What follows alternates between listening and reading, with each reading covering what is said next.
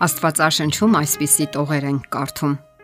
Այսպես է ասում Տերը, քո արարիչը. Մի վախեցիր,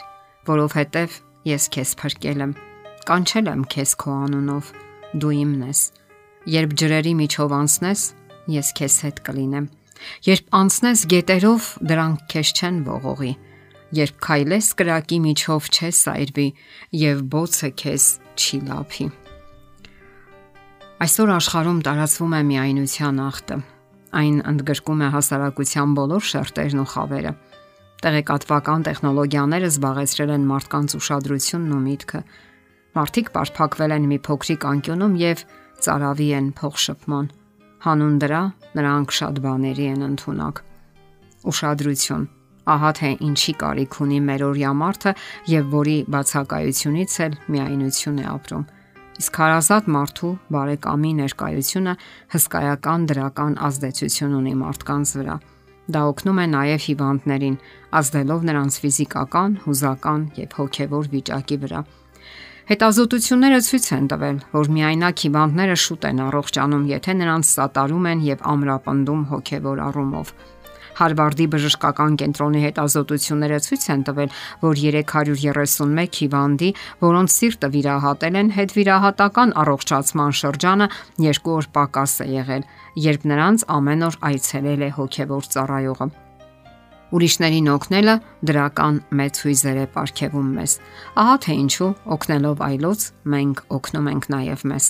Հոգևոր ճգնաժամերի ժամանակ մենք պետք է հիշենք, որ միայնակ չենք, որ կա մեկը, ով իսկապես հոգում է մեր մասին, ճանաչում է մեզ անznապես, սիրում եւ ընդունում է այնպիսին, ինչպիսին մենք կանք իրականում։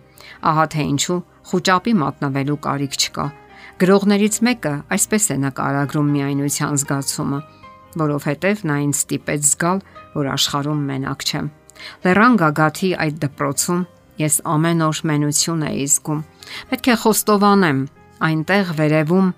ես ինձ միայնակ էի զգում։ Գիտեմ, որ խոսքերս կարող են ժպիտ գծագրել, բայց ես միշտ կարծել եմ, որ ճարիքներից վատ թարագույնը, որ կարելի է զգալ, հենց մենությունն է։ Շատ մարդիկ միայնություն են զգում, որովհետև չեն կարողանում հարաբերություն կառուցել այլ մարդկանց հետ։ Նրանք մտածում են, որ իրենք վատն են, սխալական ու անկատար, սակայն նրանք պետք է հիշեն մի կարևոր ճշմարտություն՝ անսխալական մարդիկ չկան, անսխալական է միայն Աստված։ Եվ հարաբերություններ պահպանելով անսխալական ու կատարյալ Աստծո հետ, մենք աստիճանաբար կկարգավորենք մեր բնավորությունը ում հետ շփվում ենք, նրա բնավորության որակներն էլ ձեռք ենք բերում։ Եսասիրությունը լուրջ ախտ է եւ այն նույնպես կարող է միայնության պատճառ դառնալ։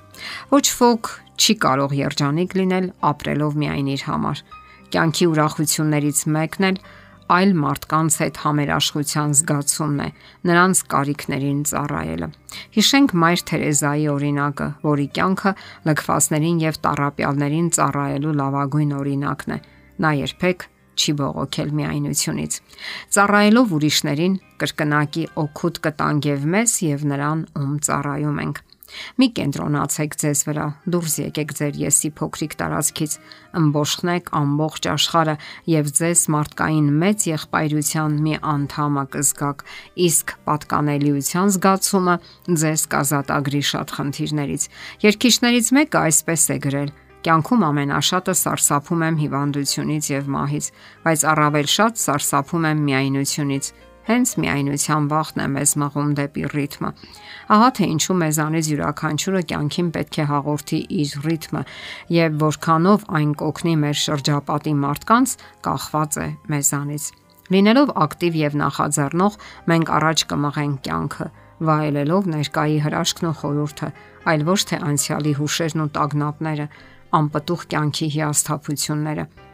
Յուրաքանչյուր նոր օրը եզակի Աստվածահայտնություն է քրիստոնյայի համար։ Այն Աստծո կամքն է, որ կարելի է հասկանալ ու բացատրել Աստվածաշնչի լույսի ներքո։ Բոլորիս կյանքում էլ կարող են լինել ցնցումներ եւ դժվարություններ, հիասթափություններ, որոնք կտարուբերեն մեզ։ Հարկավոր է ընդունել դրանք բնականորեն, որպես այս կյանքի անխուսափելի մասնիկ Հնարավոր է այս կյանքում երբեք էլ չստանանք մեր բոլոր հարցերի պատասխանները, սակայն դա չի կարող խաթարել մեր հոգևոր կյանքը։ Աստվածաշնչում կարդում ենք. որովհետև դու թանկագին ես իմ աչքին, պատիվ գտար եւ ես սիրեցի քեզ։ Արդյոք մեզ չի մխիթարի եւ թևեր չի տա այն զգացումը, որ Աստված գիտի մեզ անznապես եւ որ մենք շատ թանկ ենք նրա համար։ Մեկ այլ համարում կարդում ենք մի արգելափակիր. Բեր իմ worthinerin հերվից եւ իմ դուստրերին երկրի ծայրերից բոլոր նրանց որոնք կոչվում են իմ անունով եւ որոնց ես ստեղծել եմ իմ парքի համար ձևավորել եւ արարել եմ նրանց Այսպիսով մենք կարող ենք Աստծուն հանձնել մեր կյանքը եւ հուսալ ու ապավինել նրա բարեկամությանը։ Դա հնարավորություն կտա ունենալ լավագույն բարեկամը աշխարհում եւ միևնույն ժամանակ կսիրենք մարդկանց, ինչն իր հերթին դեպի մեզ կձգի նրանց։ Այն ժողովուրդը, որին ես կազմել եմ ինձ համար, իմ գովաբանությունը կպատմի, ասում է Աստված։ Եթերում է ղողանջ հավերժության հաղորդաշարը։ Հարցերի եւ առաջարկությունների համար զանգահարել 033 87 87 87 հեռախոսահամարով։